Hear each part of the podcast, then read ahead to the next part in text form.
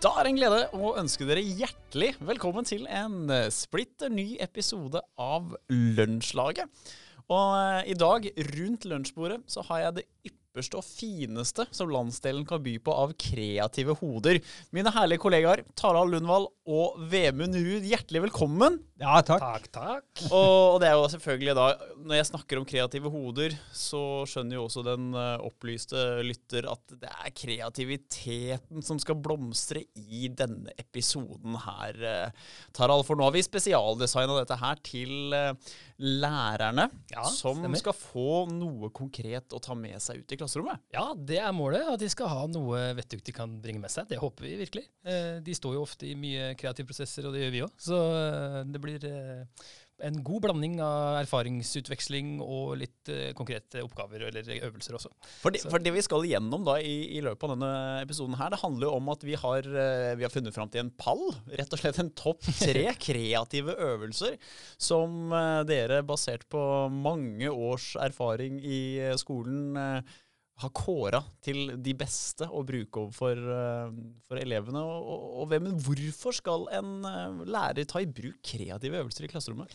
Ja, det, det, det vil jo vise seg i løpet av sendinga her, da. Ja. At uh, hvorfor, det kommer vi godt tilbake til. Men jeg kan jo si det så mye at det, det er ikke bare fordi det er moro. Nei, Det er noe mer. det har en hensikt, altså. Det Stemmer, er noe mer. stemmer. Så, følg med. Men, men så er det jo litt sånn der, ofte så får man jo høre det fra, ikke bare fra, fra lærere eller fra elever, men fra veldig mange man snakker med, at ja, men jeg er jo ikke kreativ. Er det så enkelt? Er man enten kreativ eller ikke kreativ? Ja, det var det, ja. Det er jo et veldig godt poeng, egentlig. Og det er noe vi stadig hører Ja. og, og møter, både fra elever og lærere. Eh, men eh, det viser seg at det ikke nødvendigvis er tilfellet. da. Så det skal vi jo touche litt innom det vi kan kalle for sånn myter knytta til eh, kreativitet. Betyr det at vi skal rett og slett inn på uh, litt forskning? Rett og Du, vi skal inn på forskning. Vi skal det, altså. Så herlig. Også, Ja, og da, da er det jo din oppgave Tarald, som, som inspirator, det å gjøre forskning levende og lett forståelig. Det Ja, er den oppgaven du får. da. For, for det der med myter rundt kreativitet, det, det er liksom en fin inngang til det vi skal snakke om. Ja, jeg syns det. Eh, og det er ofte en fin måte å starte diskusjonen rundt det. Fordi det er en del myter knytta til kreativitet, og kreativitet er jo litt sånn abstrakt og vanskelig å forstå seg på. Hva er egentlig det? Eh, og mange kanskje forbinder det gjerne med fantasi. Uh, ene og alene, og det trenger det ikke nødvendigvis være. Så, uh, og om du jobber da med, med elev- og ungdomsbedrifter i skolen, så innebærer det ofte at du står i kreative prosesser. Uh, om du er klar over det eller ikke, eller om du vil eller ei, så er det en del av det. Og noe vi selvfølgelig er veldig opptatt av. Eh, og det er mye interessant å si rundt det, eh, og dyktige folk som har jobba og sett nærmere på fenomenet òg.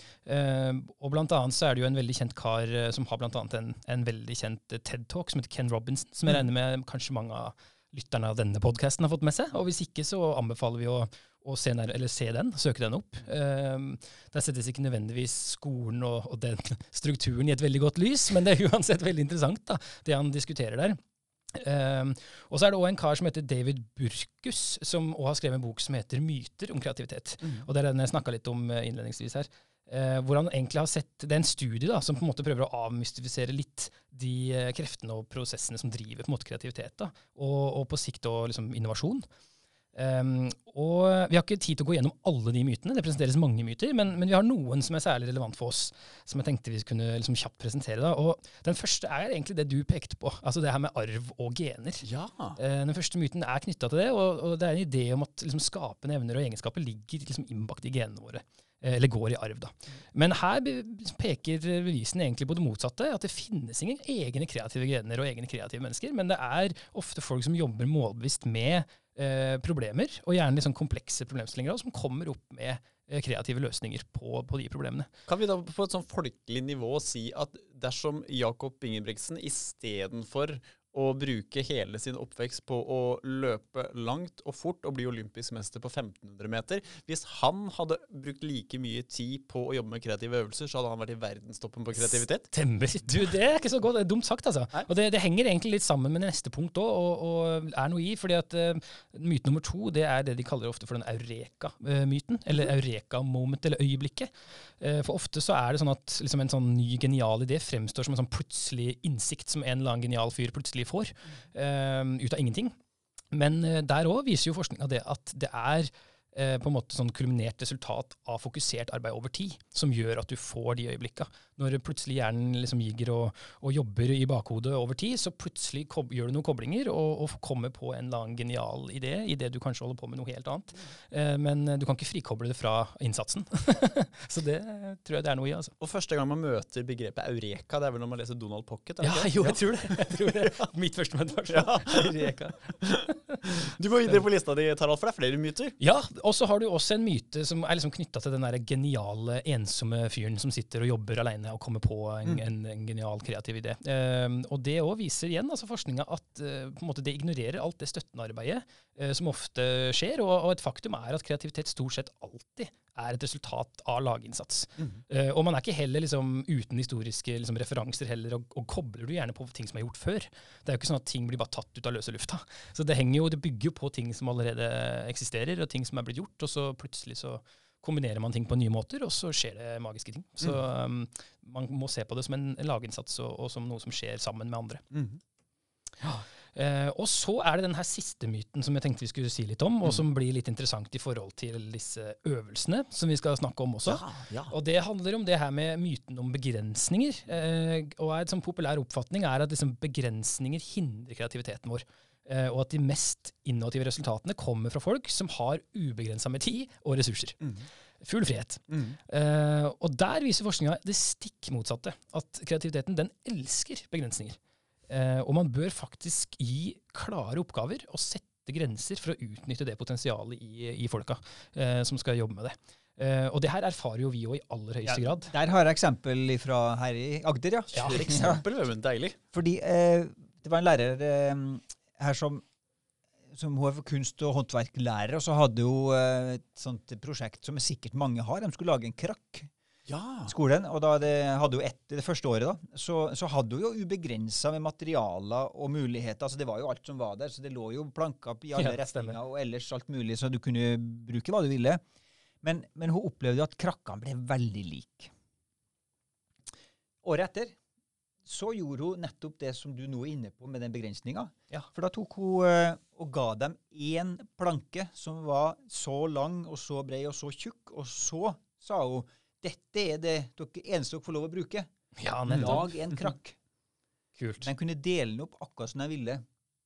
Eh, og I tillegg til det så var vi noe inne på noe av det andre mytene som du også tok der. fordi at uh, hun, lot dem, hun lot dem ikke bare sitte på skolen og skulle plutselig lage en krakk. Nei. Det var et lagarbeid som du snakka om, og et mindset som måtte formes over tid. Mm. Så de hadde eh, i oppgave å grave fram så mange krakker som de kunne komme på. De googla etter krakker, og de tegna forskjellige krakker. Så ja, de begynte liksom å forme den Former og fasonger og farger og alt som er. Og da ble det mange ulike krakker, med de begrensninger både i forhold til material ja. mm. og med den foranledningen som var å preppe dem opp mot det. Så der kan det jo være noe. Mm. Og det er vel litt den der tanken der også om at uh, det blir, kan fort rett og slett bli litt sånn uhåndterlig, uangripelig. Hvor skal jeg starte når det ikke finnes begrensninger? Ja, og jeg, jeg, jeg, lurer på jeg tenkte på, jeg tenkte på, jeg lurte på om vi skulle komme på tredjeplassen allerede nå. Oh, vi er der ja, allerede. Skal vi rette opp på pallen? Ja, jeg lurer på det. Fordi ja. at det er én øvelse Kanskje ikke fordi den er den tredje beste i verden, men fordi det, den passer godt til tredjeplass. Eh, fordi den hører til i en sånn tidlig fase. Ja, bra. Og fordi den, ja, den, den er litt stygg, for den avslører ja, på en hyggelig måte så avslører den nettopp at vi eh, er litt låst i hjernen. Eh, den har vi jo vi kjørt på lærere og på elever. Kjørt den på studenter. studenter ja, alle mann. og med samme resultat. Eh, den opplevelsen er, er, litt fin å få i starten, sånn at man, alle, egentlig, alle egentlig havner litt på samme plass. Mm. Øvelsen på tredjeplass er tegnearket. Ohoi. Du tar et ark. Og så tar du og eh, deler det i eh, fire. Ja. Og så ber du elevene om, eller studentene, eller kollegiet ditt, om å si øverste venstre, for nå har du delt det i fire. Øverste venstre, tegn et vindu. Du har to minutter på det. Etter at det har gått to minutter, så sier du øverste høyre, tegn ei dør. To minutter på det òg. Og nederste venstre, så sier du tegn et hus. Etter to minutter på det så kan vi jo da til sist si tegn en krakk, siden det var det vi hadde som mm. eksempel her. Yes, stemmer. Og så går det noen minutter her, og så har alle tegna et vindu, ei dør, et hus og en krakk. I forkant av øvelsen her så har vi da hatt en sånn en, en liten kreativ bit og litt sånn forelesning, eller prøvd å få dem til å skjønne at skal, det er viktig med kreativitet. Og så dundrer vi på med den øvelsen her. Hva skjer? Nei, det er utrolig. Er Hva skjer? Hvordan ser eh, vinduet ut, Harald? Ja, Det ser jo ofte firkanta ut da, med sprosser og alt som er. Så det, det ser ut som et, et et vindu. Oh, til tross for at man på forhånd har snakka om kreativitet og det å gå utafor boksen. altså. Ja, ja. Døra blir firkanta. Ja. Ikke noe Ringenes herre rund dør engang, sjøl om alle har sett den. Nei da, det er Ikke det altså. Ikke noe kreative håndtak, ingenting. Ikke noe svingdør engang. Ikke det. Firkanta. Hva skjer med ja, Hva skjer med vinduet, da? Var, nei, Hva skjer med døra og vinduet? De blir firkanta. Hva skjer med huset? Ja, det blir en klassisk enebolig, det da. Sånn vi lærte å tegne hus på barneskolen. Ja. Vinduer, dør og dør pipe og røyk. Og, ja. ja. Tak som kanskje er skrått, sånn hvis de er litt gærne. hvis de er litt gærne. Det blir rimelig kjedelig når de får beskjed om å tegne, sjøl om vi skal være kreative. Så der, når alle må vise fram sine kreative eller tegninga, da, så, så viser det seg jo at vi har alle gått i baret. Jaha. Ja. Hva skjer? Da kan man jo debrife der med Jepps, vis det fram. Vi kikker litt på hverandre. Vi ler litt av hverandre. Og vi skjønner at eh, ja, stemmer det. Et vindu trenger jo ikke å være firkanta. Klarer vi å finne et rundt ovalt eller et merkelig vindu, eller uten glass, eller med glass, eller et vindu som gjør noe helt spesielt, det, det, det får man ikke til der når man er i den stressa situasjonen. Nei. Og man beveger seg jo litt ut på sånn upløyd mark og litt sånn usikkert uh, terreng egentlig når du blir bedt om det, fordi det er en ganske sånn eh, tydelig beskjed, men samtidig så er du litt usikker på hva han mener. Og så eh, er det fort da å gå på det van, vante, kjente. Du er redd for å liksom gjøre noe veldig store sprell her. Mm. Uh, ja, redd for å gjøre feil. Hva, hva, har liksom effekten vært av den øvelsen der? Altså, hvilke tilbakemeldinger får, får dere på, på å kjøre en sånn øvelse? Nei, Du får jo umiddelbare erfaringer, eller tilbakemeldinger på at folk blir tatt på senga. At mm. jeg trodde kanskje jeg var kreativ, men det er jeg jo ikke. Mm. Eller noen tenker jeg som ikke er kreativ. Oi, men de andre er jo akkurat likens. ja. Eh, og, og, og, det er jo når du gjør den i skolen, det er jo det litt av greia her. Altså, mm. Vi gjør den på skolen mens elevene sitter på en stol bak en pult og forventer at det er en fasit. For det er jo det som er det ordet som vi skulle ha kvitta oss med i skoleverket. Fasit er ikke du noe glad i, Vemund? Jeg er ikke noe glad i fasitordet. Eller skolen er god på fasit, og det kan den være, men i Ungt entreprenørskap så trenger vi ikke å jobbe med fasit. Og vi prøver å kvitte, kvitte fasiten, fordi at hvis du får kutta ut den, så vil det være mye mer spennende noen gang. Hvordan tar du denne her videre? Etter å ha kjørt den som en innledning, de har fått noen eureka-opplevelser for å plukke opp igjen den, ja, ja, der, der, og så skal man på en måte sette dette her i en større kontekst og liksom forklare hvorfor kjørte vi denne her? Hva skjer videre? Det skal vi ta når vi kommer til eh, de neste øvelsene, faktisk. Oh. For det her var en liten sånn, bare en sånn enkel, kort, liten øvelse bare for å gi en litt kjapp opplevelse eh, ja. tidlig i et løp om at eh, og bevisstgjør de på at vi er låst i en måte å se verden på, mm. altså. Rett og slett. Al aldersmessig er det sånn at man ser, ser, forskjell fra om man kjører denne øvelsen her på barnetrinn kontra vi var nevnt høyere utdanning, lærere osv.? Ja, Der er kanskje du mer erfaring enn meg, men på de minste. Eh, for det er vel ofte sånn at jo eldre de blir, jo verre er det å bryte, eller? Ja da, det er det. Der er det, en del, der er det På den her har jeg ikke sett så mange der, Den her er ganske lik. ja, den er det. Den er ja. det. Men eh, andre øvelser kan være tydelig forskjell, ja. Mm -hmm. eh, på, eh, for den blir ikke mer kreativ etter at de har sittet lengre på skolebenken. Nei. Det er iallfall helt sikkert. Akkurat. Har vi nå på en måte snakka oss ferdig rundt tredjeplassen, eller er det ting vi skal utdype rundt den før vi eh... Jeg tror vi er veldig fornøyde, og tror vi kan fint hoppe over på nummer to. Og det er For spennende. Den henger, henger, jo sammen her. Og som, som Emmen sier, det her har jo litt sånn første, andre og tredjeplass. Det kunne vært mange andre gode øvelser, men de, de bygger litt på hverandre, og de har, litt, eh, på en, måte har en, en funksjon. Da. Og neste, neste, øvelse, nummer to, det er eh, en øvelse som vi kaller for brunsneglen. Her blir det mange assosiasjoner. Her blir det mange assosiasjoner. Og du kunne kalt den egentlig hva du vil, for poenget her er egentlig ikke brunsneglen i seg sjøl. Det er på en måte at brunsneglen blir et symbol på det elevene skal bruke som utgangspunkt, som ressurs. Mm. Uh, og ja, altså Utgangspunktet her går rett og slett på at du deler elevene i små grupper, og uh, presenterer brunsneglen som ressurs. Hva er en mm. brunsnegle, og hvordan ser den ut? Hva består den av? hva kan den brukes til? Mm. Og så er det sånn da, at du legger da en tidsbegrensning på, på noen minutter eh, og ber om 25 eksempler hvor elevene noterer egne forslag først og legger frem for gruppa. 25? 25 eksempler på hva eh, denne sneglen kan brukes til. Eh, og når det er gjort, så deler man så ideene i plenum med de andre gruppene. Mm. Presenterer hva i alle dager var det dere kom på.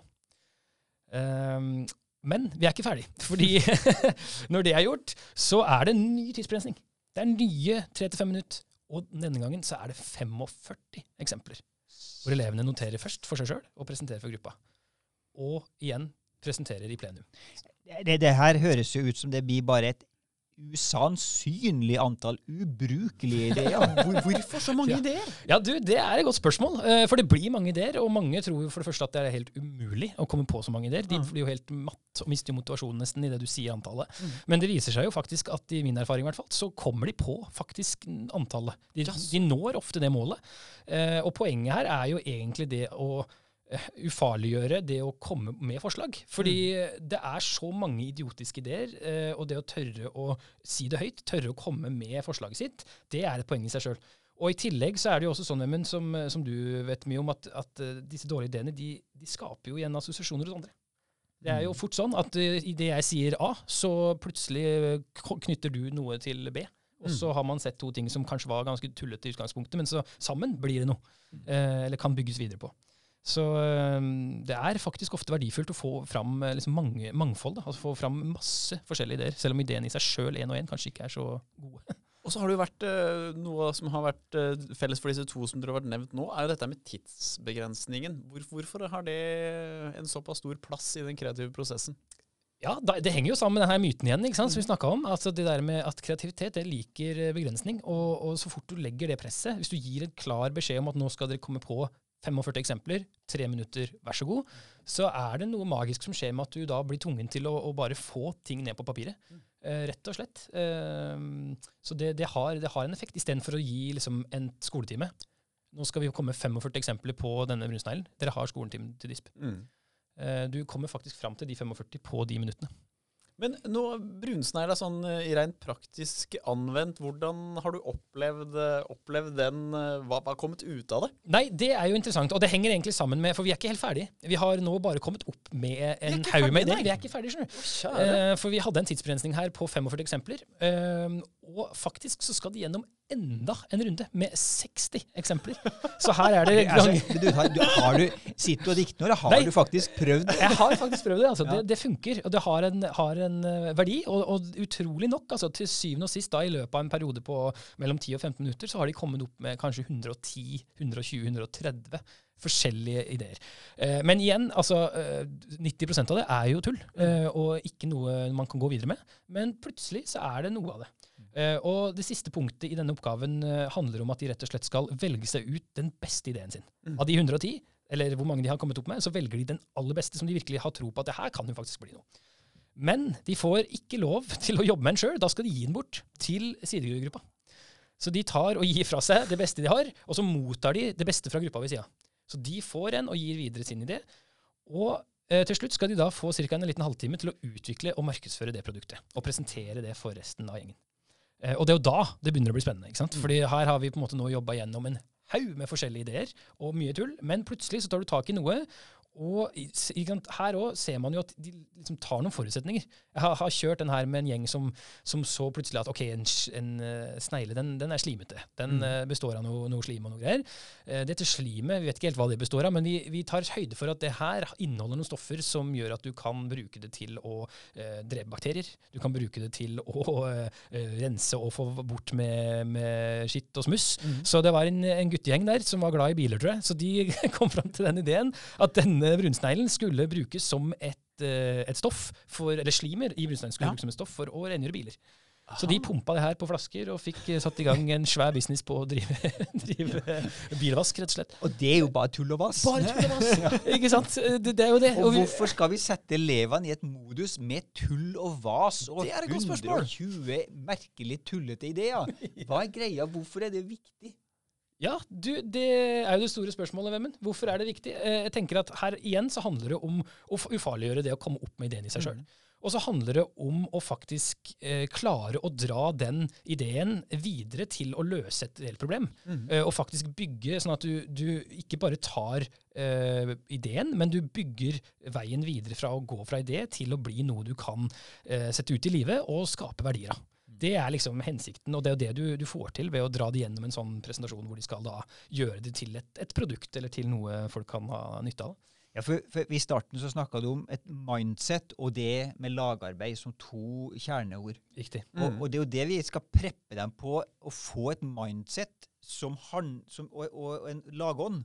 Eh, og der må vi jo for det første senke garden på elevene. Absolutt. Gjøre det trygt. Og gjøre det trygt å komme fram med de dumme ideene. Mm. For i ei gruppe så, så, vil det alltid være noen sterke stemmer. Eh, hvis du ikke gjør det trygt der, så vil det være den med høyest stemme eller den kraftigste, den kjappeste hodet som kommer med én idé, og så vil det låse gruppa. Mm. Mm. Så vi må skape en kultur for at vi skal komme fram og skape rommet for at du skal få legge fram ting mm. i det uendelige. Ja. Du har et spørsmål til Brunsteilen. Yeah.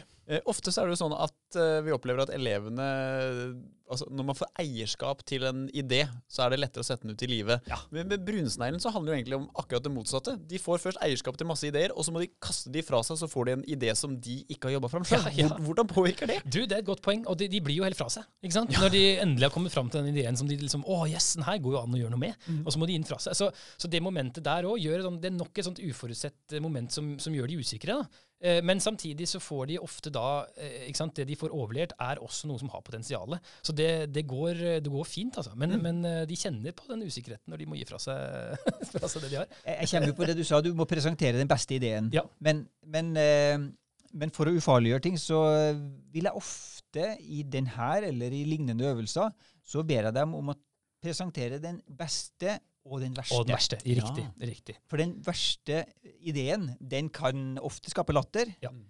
Eller så kan det være noe veldig spennende med den rare, ville, gale ideen som mm. Eh, de så vidt våger å si. Ja, sant. Og så ser de jo det at, eh, at folk kommer på mange av de samme ideene. Altså det er liksom sånn, ikke sant, Når du sammenligner, når det er så mange ideer, så går folk liksom, toucher litt innom det samme. Også I tillegg så ser du etter hvert for å få opp antallet, og at de begynner å kategorisere underkategorier knytta til noe. For så har du gjerne et eksempel hvor for tenker at man kan bruke det her eh, sneglen til, som krydder. Ja. Vi kan tørke mm. den, og så kan vi krydre og bruke det som krydder til mat. Eh, men istedenfor å bare da bruke krydder som overordna betegnelse, så begynner de å spesifisere hva slags type krydder så har du plutselig 20 eksempler der også.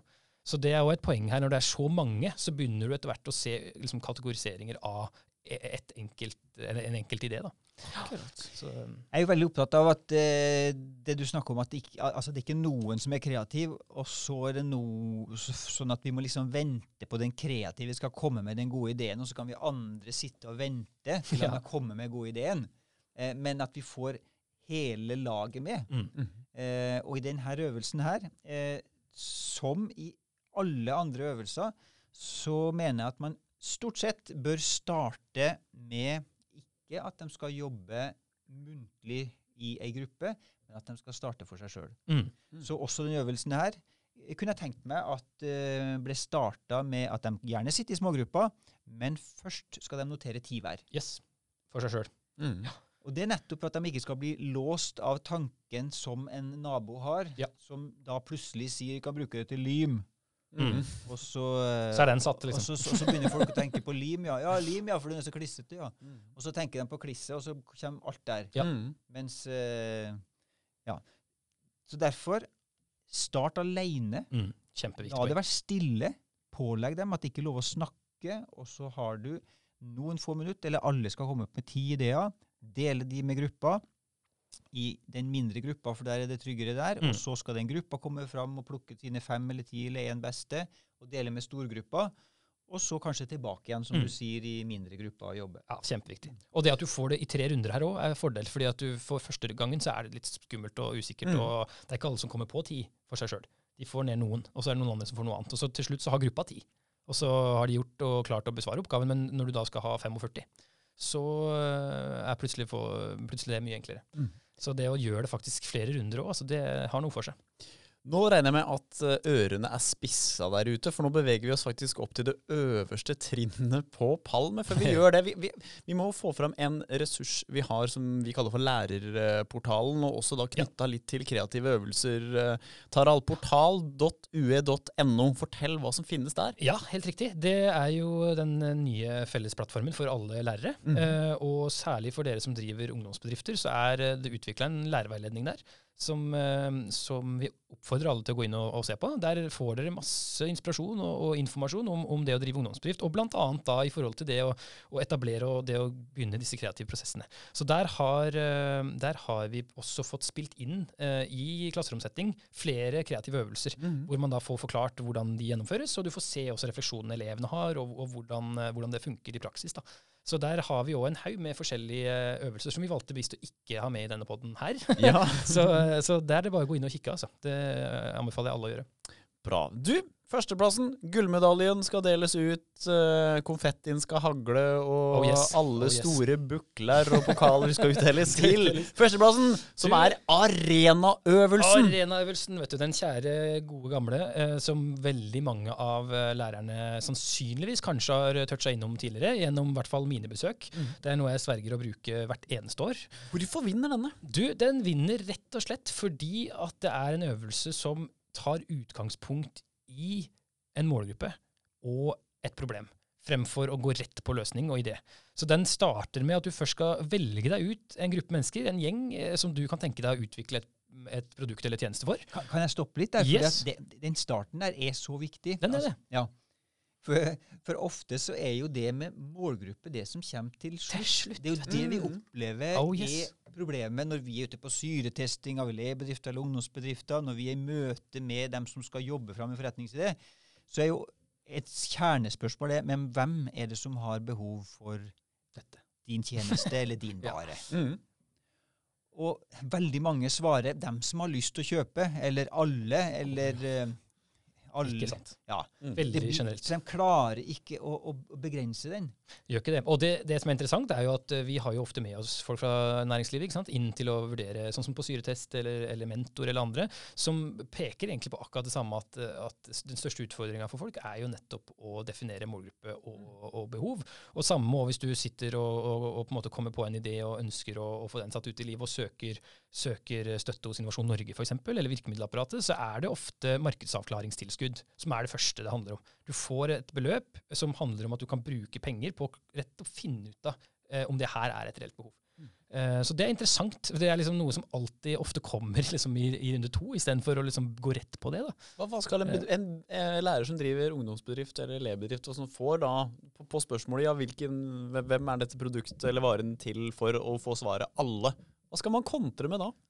Eh, da kontrer man fort Med en arenaøvelse? Med arenaøvelse, ja. ja. Man gjør jo det. Ja. Eh, og viser veldig fort at det funker dårlig. Ja. Eh, fordi alle, det er, det er mm, vanskelig. det er veldig vanskelig. gøy å dele det opp. Det er veldig gøy å dele det opp, og du blir mer spissa, og, og, du kan konkretisere. ikke sant? Og det, er det som er trøbbelet ofte, er jo det at det blir for generelt. da. Og det du vil se med arenaøvelsen nå som er gøy, er jo nettopp det at det er den største feilen, selv om du på en måte drar det her gjennom en trakt som den øvelsen er, hvor du skal starte med en målgruppe, mm. så er den vanligste feilen, eller utfordringa som oppstår, er jo at man definerer den altfor vid. Og da snakker man om, om alle, eller man snakker om, eh, man snakker om, folk som er glad i å gå på tur. Mm. Uh, og så lar man det være med det. Eh, og det er en ganske vid gruppe mennesker som går og liker å gå på tur. Ja. Uh, for det her bygger på hverandre. ikke sant? Du starter med målgruppa, men så hopper du videre da til å definere et sted eller en arena, der er arenaøvelsen, hvor denne målgruppa befinner seg. Og så, neste steg, så handler det om å liksom, avdekke hvilke aktiviteter er det de gjør på den uh, arenaen. Hva er det de foretar seg der? Og når de har valgt det, så skal de også prøve å komme opp med ulike altså utfordringer og problemer som kan oppstå når målgruppa gjør den gitte aktiviteten på det valgte stedet.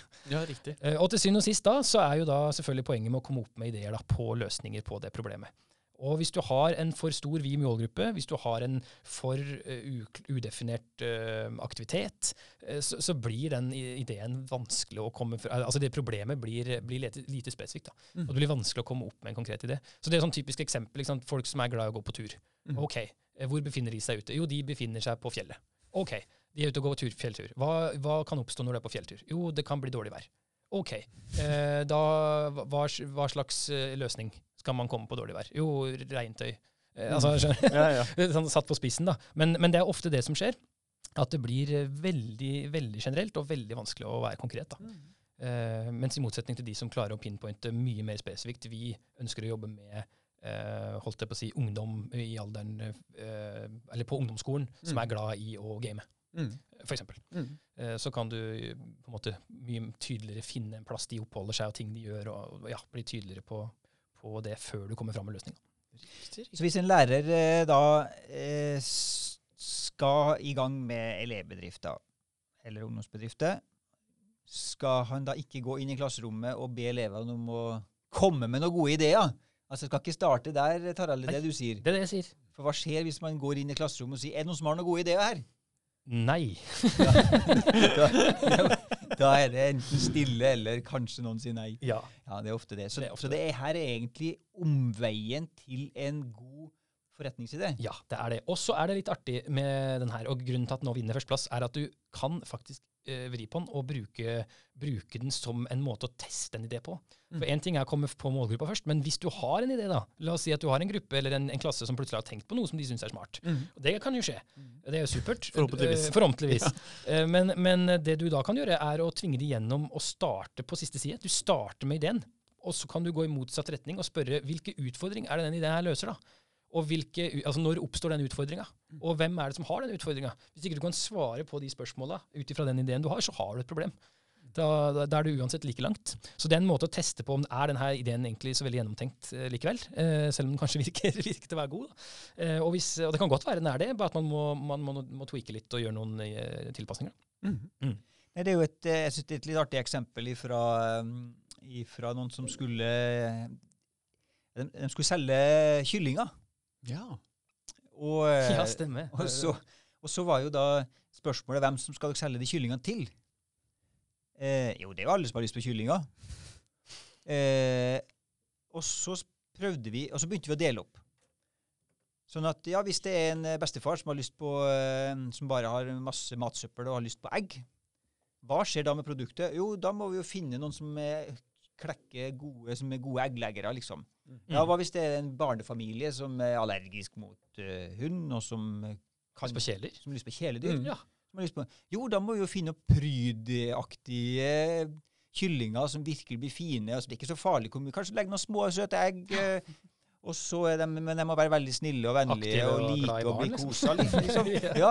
Klassiske kyllingegenskaper. så da må du ikke ha hvite Du må ikke ha sånne italienere. De er jo hissige. Så må ja, ja. du ha noen sånne koselige, søte, små duskete fjærgreier. Ja, ja, og så, så, er det noe av det, av det, som skjer med forretningsideen når du klarer å ha fokus på målgruppa. Mm. Ja, det er magisk, og det er eh, helt nødvendig. Det er rett og slett det, altså. Så eh, nei, kjør arena. Og, og det igjen også, uh, som jeg prøver å, å, å nevne for, for mine uh, lærere, men også alle elevene, er at kjør den mange ganger.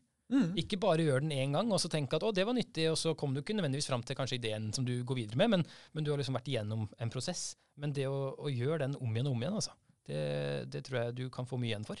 Og gjerne igjen da seinere, hvis du tar litt, et litt oppbrudd og, og, kommer på en ny idé. Ok, kjør den motsatt vei, da. Mm. Test den. Mm. Se om du kan svare på de punktene der. Da er uh, laurbærkransen hengt rundt uh, nakken på arenaøvelsen. er vi da fornøyde? Ja, du, jeg syns det. Jeg tror, vi, jeg tror, vi, har forhåpentligvis i hvert fall uh, satt fokus på noe som jeg vet mange lærere er opptatt av, mm. og som de syns kanskje er litt vanskelig å gripe fatt i. Uh, og, og, i tillegg gitt noen helt konkrete øvelser som, som i hvert fall vi har veldig god erfaring med å kjøre. Mm. Uh, og i tillegg, hvis man har lyst til å få vite enda mer, så gå inn på læreportalen. Så får man masse inspirasjon der også. Da har jeg nesten tømt uh, litagonen min, så da begynner vel lunsjen egentlig å nærme seg slutten. Ja. Tusen hjertelig takk. Ja. Og vi har ikke tid til det. Har vi tid til en liten utfordring? Alltid. Har vi det? Ja, da, da, legger vi på noen sekunder til. Kjør utfordring. Fordi jeg kom på det at det i, eh, på, på ungdomsskolen så er det jo i naturfaglæreboka der så er det en liten øvelse som jeg tenkte kanskje Kanskje vi kan se hvem er Agders beste på den, for den ligger der jo. Kan, den er Ja. veldig kjapp. Oi. Fordi at nå vet jeg hva som er regjerende eh, mester der. Eh, så OK. Sju fyrstikker, litt modellkitt. Du får lov å tenne på den ene fyrstikka, men så skal du se hvor, lang, hvor langt kan jeg få det her til å strekke. Fordi at den ene fyrstikka må jo tenne den andre, så må tenne den tredje, så må tenne den fjerde, så må tenne den femte, så tenne den sjette, og så den sjuende. Så da er det hvor stor avstand kan vi ha mellom dem Akkurat. for at vi skal få Ah. eh, dette å brenne den veien. Det er sånn øvelse som ligger der. Så tenk deg bare på det. Regjerende mester nå er faktisk 15 cm. Slå den! 15 centimeter, du. Og der sier dere det er akkurat det litt det samme som der Tenk lag 120 ideer på Ja. kunstneglen, liksom. Ja. Mm. Godt poeng. For hadde jeg sagt at det var mulig å få til sju eller seks, eller sånn, så fem centimeter er enkelt. Mm. Men når jeg sier 15, så må dere begynne å vri Ja, da må du begynne å strekke deg. Ja, så lykke til. Herlig. Tusen hjertelig takk for at dere hørte på eh, Lunsjlaget. Følg oss på Instagram, Facebook og på LinkedIn. Vi høres snart igjen.